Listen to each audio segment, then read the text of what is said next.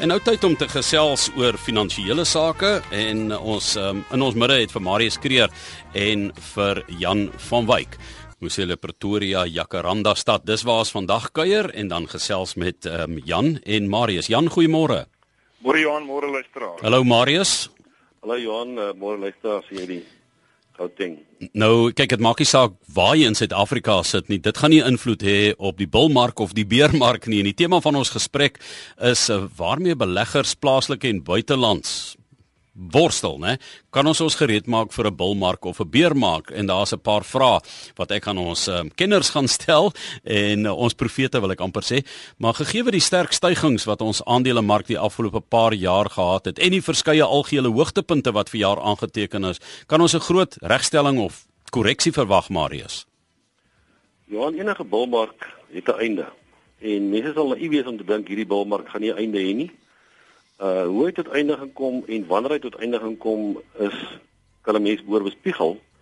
Uh ons dink natuurlik dat rentekoersverhogings in die FSA gaan maar die sneller wees wat gaan bepaal dat die einde van die bulmark daar is want gewoonlik wat in die FSA gebeur sal gevolg word deur die res van die wêreld. Maar aan die ander kant sit 'n mens ook in 'n situasie waar rentekoerse is so laag, mense het eintlik nie alternatief om in die aandelebeurs te belê nie. Uh om net 'n idee te gee, hoe moet betaal mense in baie lande in Europa? Betaal jy die bank om jou geld te hou. Jy kry minder uit as wat jy ingesit het. Jy kry geen geen renteopbrengsie. Terwyl jy aandele kan koop wat vir jou miskien 'n 3% of 'n 4% dividend gee, wat dan baie beter is. En terwyl uh lande wat oomblik sukkel met hulle ekonomie om dit aan die gang te kry, uh groeikoers wat swak is, is dit ook baie moeilik om dan nou ook rentekoerse te verhoog. Uh die FSA het dit aangekondig, hulle gaan dit doen. Hulle lyk my stel dit 'n bietjie uit en lyk my dit gaan redelik sag wees en dit gaan dalk nie so ernstig of so vinnig gebeur as wat almal verwag nie. So dit beteken dat hierdie mark kan 'n tydjie langer aanhou. Uh, ons voel maar net ons ons is op 'n punt waar ons dink ons moet bietjie meer versigtig raak met kliënte se geld en uh laat 'n mens op die stadium nie baie eintlik winskoopies kry nie. Die markte is nie goedkoop nie. Uh ons dink die buitelandse mark is goedkoper as Suid-Afrika. Maar uh om miskien net op te som, ek dink dit is tyd om versigtig te raak. Uh dit die bulmark sal nie vir altyd aangaan nie. Jy het 'n sleutelpunt aangeraak die buitelandse mark toe uh, dink jy is goedkoper as Suid-Afrika of sal later daarby uitkom maar in juis gesien teen hierdie huidige waardasies van plaaslike aandele as ook onsekerhede op die markte. Jan, wat sou jy sê is 'n gepaste beleggingsstrategie? Ja, Johan, uh, om net aan te sluit daarby Marius, ons ons sê op hierdie stadium moet 'n mens maar bietjie versigtig wees. Ons ons pas maar dit in ons ons strategie toe. Maar ons sien nou vir, vir kliënte wat daar buite sit en dink oor hulle geld en dink oor hulle beleggings, ek dink dit is maar menslik om om bekommerd te raak as mens elke dag goed in die koerant lees en negatiewe beriggewing sien en so aan, maar ons raad is maar om om om te hou by 'n goeie 'n plan, 'n persoonlike plan en dit is maar eh, die, die beste dink ons om te gaan sit by adviseer 'n behoorlike behoefteontleding, 'n kontantvloei te doen en dan gaan kyk wat is 'n mens se behoeftes en dan ook jou jou doelwitte rondom kapitaalgroei te formuleer en dan dan 'n plan op, op tafel te sit. Nou ons sê ons dink dit belangriker om te probeer voorspel wanneer presies nou wat gaan gebeur in die markte is eerder maar om om 'n behoorlike plan te hê en en dan te hou by die plan grootliks om nie te veel uh, rond te spring en en en en skuwe te maak emosioneel te raak oor die geld nie maar om om 'n langer termyn siening op op op die jou geld te hê en en maar te hou op jou te hou by jou plan. Ons glo as jy as jy 'n behoorlike plan het, ons gaan nou net 'n bietjie oor diversifikasie verder ook gesels. Ons glo dit is maar die antwoord om om 'n goed verspreide portefeulje te hê, verskillende bateklasse en dan uh en die skuwe maar eerder oor te los vir die fondsbestuurders, maar om nie groot skuwe in die portefeulje onnodig te maak nie. Nou, jy weet dit is amper soos 'n resep as almal presies die regte resep het, dan jy weet dan gaan dit maar eintlik 'n vervelige wêreld wees. So elkeen moet maar ook 'n strategie bepaal. Nou wil ek juis weet uh, by jou Marius, hoe verskil PSG se strategie ten opsigte van kom ons vat bestaande beleggings en dan nuwe geld wat belê ja. word?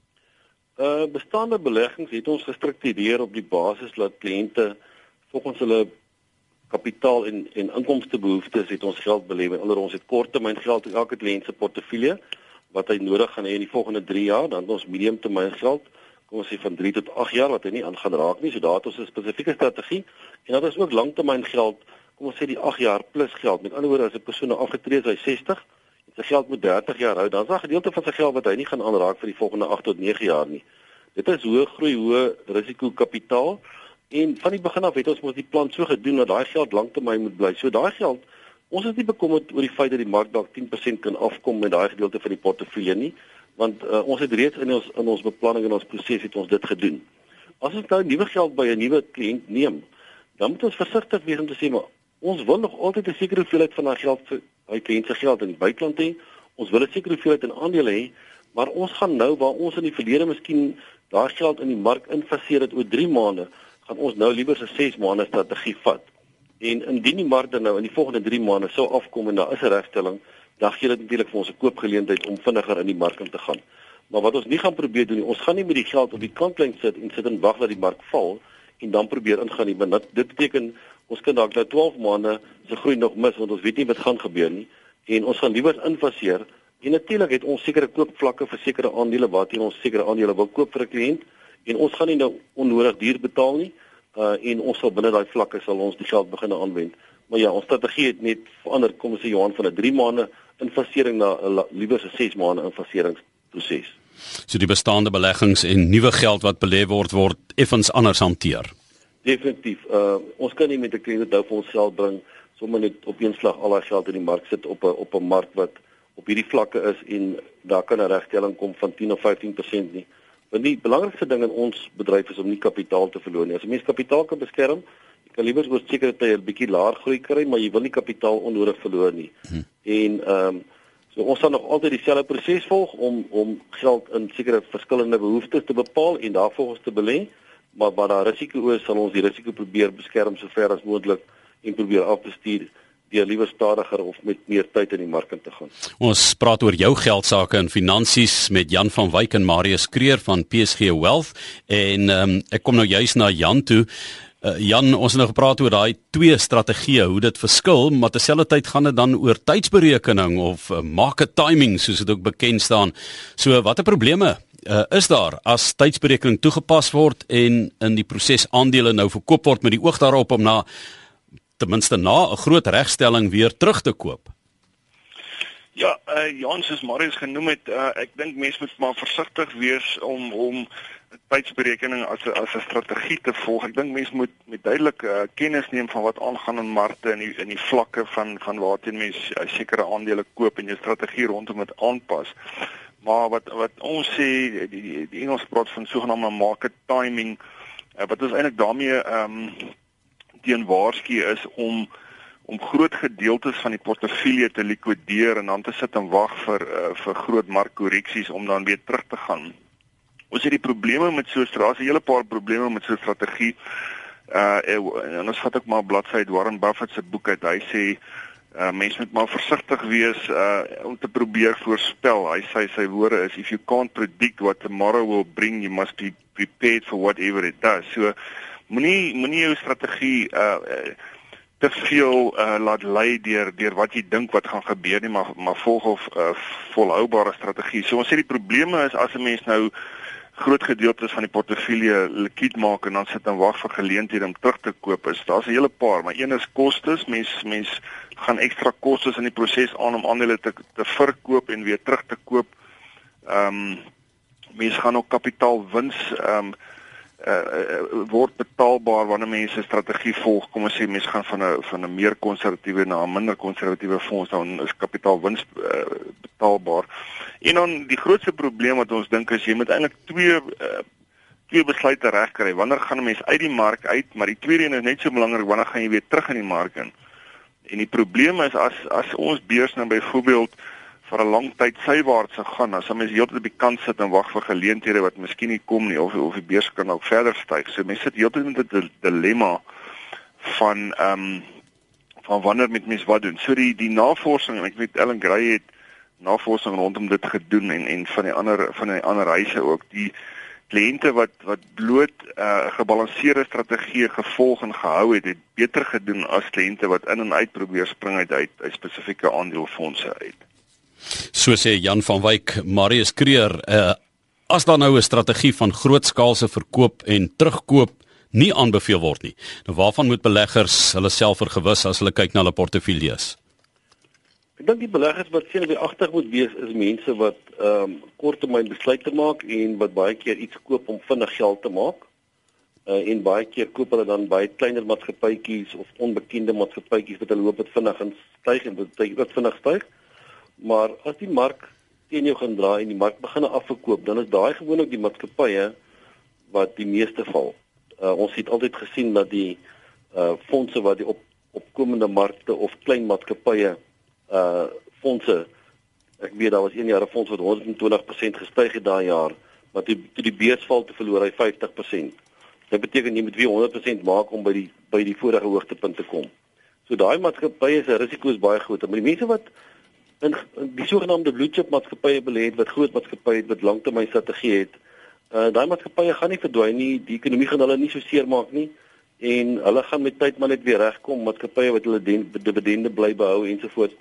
En dis die portefeulje bestuurder, daarom moet mense na iemand toe gaan wat goeie navorsing doen, wat wat 'n goeie ehm um, strategie volg oor die lang termyn en natuurlik ook 'n rekord opgebou het om goeie maatskappye te identifiseer wat hulle voel wat onderwaardeer is en wat vir jou meer beskerming gaan bied as die mark afkom. Daar is ook 'n klomp maatskappye in ons mark, byvoorbeeld die kommoditeitsmaatskappye wat nou nog baie ver onder is as wat hulle in 2007 was. Uh net 'n voorbeeld Anglo American het geval van 560 rand af in 2007 na 132 rand toe. Ek dink gister was hy hier by 201, 203 of 199 rand rond gewees. So baie ver van sy hoogtepunt. So daar's nog 'n klomp maatskappye in ons mark wat ons dink nie van daai maatskappye besit in die mark draai teen jou gaan jy nie so groot ehm um, verlies hê as wat jy byvoorbeeld gaan hê met 'n sekere industriële maatskappy of dalk finansiële maatskappye nie. So uh die mense wat die regte proses gevolg het wat sê maar hy het langtermyn geld en dit bly langtermyn geld, hy het nie kapitaal nodig oor die korttermyn nie. Uh hy lekker ontspan, maar mense wat dink hy gaan hierdie kapitaal moet gebruik volgende jaar en die mark draai nou teen hom, hy gaan dalk uh 'n probleem hê. So ek dink die mense wat die tipiese spekulante is, is mense wat sien wie agtig moet wees. En dis gewoonlik mense wat ehm uh, geld nie vir baie lank in die mark kan hou nie en wat uh, wil in kort termyn insit om vinnig wins te maak. Dit is natuurlik nie ons strategie nie van Marius Kreer weer na Jan van Wyk van PSG Wealth. Ons gesels vandag eh, hier in RSG Finansiële Sake moontlik gemaak deur PSG Wealth Silver Lakes en George Central. Nou, ehm um, as ons gaan kyk na buitelandse aandelemarkte, is dit vir julle belangrik om nou 'n beduidende blootstelling daaraan te hê en dan wat beskou julle Jan as 'n goeie persentasie van jou kapitaal om buitelands te belê? Ja Johan, dit is maar 'n tema van ons. Ons dink dat daar beter waarde is in in buitelandse aandelemarkte op hierdie stadium. Ehm um, en ons dink dis ook maar waar divers goeie diversifikasie 'n groot rol speel om om genoeg uh van hierdie tipe bates in jou portefeulje ook in te bou soos Marius gesê het ons kyk maar na die multinasjonale maatskappye wat internasionale handel dryf wat oor verskillende uh geldeenhede in verskillende lande ehm um, goeie besighede het en konstante uh, uh, winsgroei toon. So ons dink dit is dit is belangrik om um, die buitelandse aandele in in in te bou in die portefeulje in. En wat as ons na die waardasies kyk, ons sê daar's maar drie goed wat 'n mens kyk. Mens kyk maar na rentekoerse, Marius het genoem, ons sit internasionaal met met nog steeds baie lae rentekoerse as gevolg van die stimulusprogramme in die in die FSA, rentekoerse baie ver afgedruk. Ons sien dit nou in Europa ook.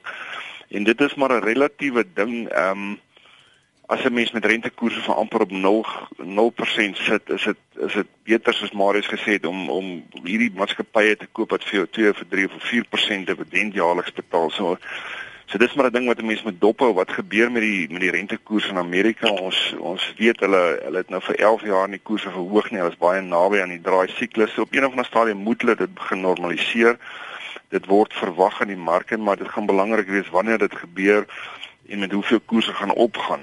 Ehm um, maar ons dink nog steeds die die waarde lê lê meestal in buitelandse maatskappye. Vorentoe ook wat die wisselkoers betref, ons ons probeer nie die wisselkoers voorspel nie.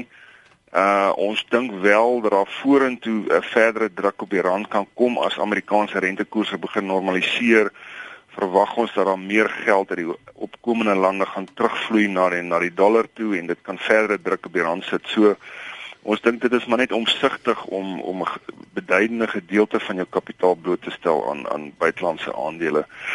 In terme van van persentasie, jou tweede deel van die vraag, ons dink wel ons gebruik maar op hierdie stadium en dit wissel is ook nie altyd dieselfde nie op sekere stadiums dink ons daar is is is miskien meer waarde in in ons beurs ons dink die ding 'n bietjie omgedraai nou maar ons ons gebruik so 50% min of meer gegee na afhangende wat se tipe portefeulje ons het of ons 'n groei portefeulje of 'n inkomste portefeulje het gebruik ons as riglyn um op hierdie stadium. As 'n mens in Suid-Afrika bly en rande nodig het om van te lewe moet 'n mens maar altyd 'n gedeelte van jou geld in in rande hê om te kan uitgee maar wat die langer termyn uh, geld betref dink ons dit is sinvol om om om 'n redelike groot gedeelte daarvan bloot te stel aan aan buitelandse aandele en goeie buitelandse eiendomme ook op hierdie stadium. En dit word ook natuurlik wetlik beheer die persentasie wat 'n mens mag blootstel, né?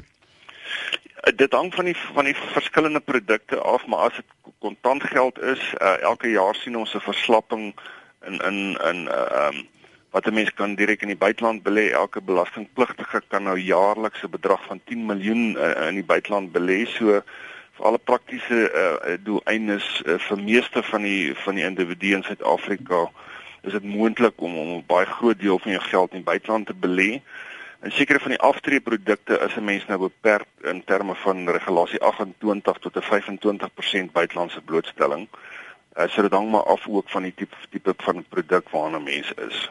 En sekere fondse het ook net 'n uh, um meeste effekte trustfondse wat nie bateroufondse is nie, uh plaaslike fondse het 'n maksimum van 25% wat hulle mag belê in die buiteland. Maar ons doen natuurlik daai beplanning vir 'n kliënt om te besluit watter gedeelte in die buiteland so gedeelte sal dalk nie in fondse sit nie of in bateroufondse. Maar ons is gemaklik met 'n plus minus 50% uh blootstelling. Ons het dit uh ons het dit natuurlik oor die afgelope paar jaar gevat van 30 na 50% toe. Uh met sekere besluite, taktiese besluite wat ons mag gemaak het. So ja, ons is gemaklik met 'n 50% eh, blootstelling en dit kan moontlik verhoog in die toekoms. Ons weet nie hoe gaan dinge verander nie maar ons op die stadium ons gemaklik daarmee.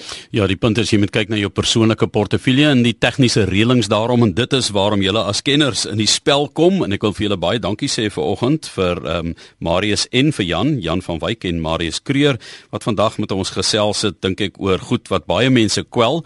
En as dit jou nog steeds kwel en uh, jy wil graag verder gesels dan kan jy gesels met die mense van PSG Wealth Silverrikes en George Sentraal so vir verdere ehm um, inligting skakel gerus vir Marius Kreur by 086 134 8190 086 134 8190 en so laaste opmerking Jan van jou kant af.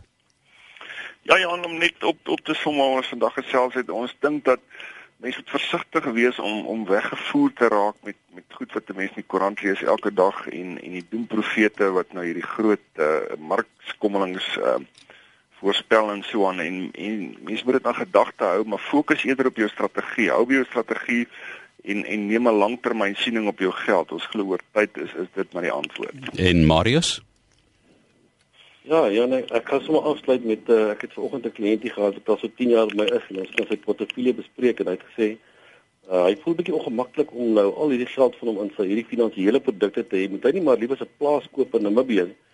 Sê vir hom net, uh, waarmee sal jy meer die maklikste voel om 6 miljoen rand van jou kapitaal te vat en 'n plaas te koop of daai geld te gee vir mense soos Apple en Johan Rupert en miskien Johnson & Johnson of Berkshire Hathaway vir Warren Buffett. Dink jy hulle kan beter om die geld doen as wat jy by plaas doen? Hy sê ja, hy dink so. Ek sien net maar ek dink dat jy op die regte plek. en dit maar net die begin van. Gee daai geld vir my. Nee, maar dis reg. Ehm um, sterkte vir julle en sterkte vir die week wat voorlê. Dankie Johan, dankie Lisa.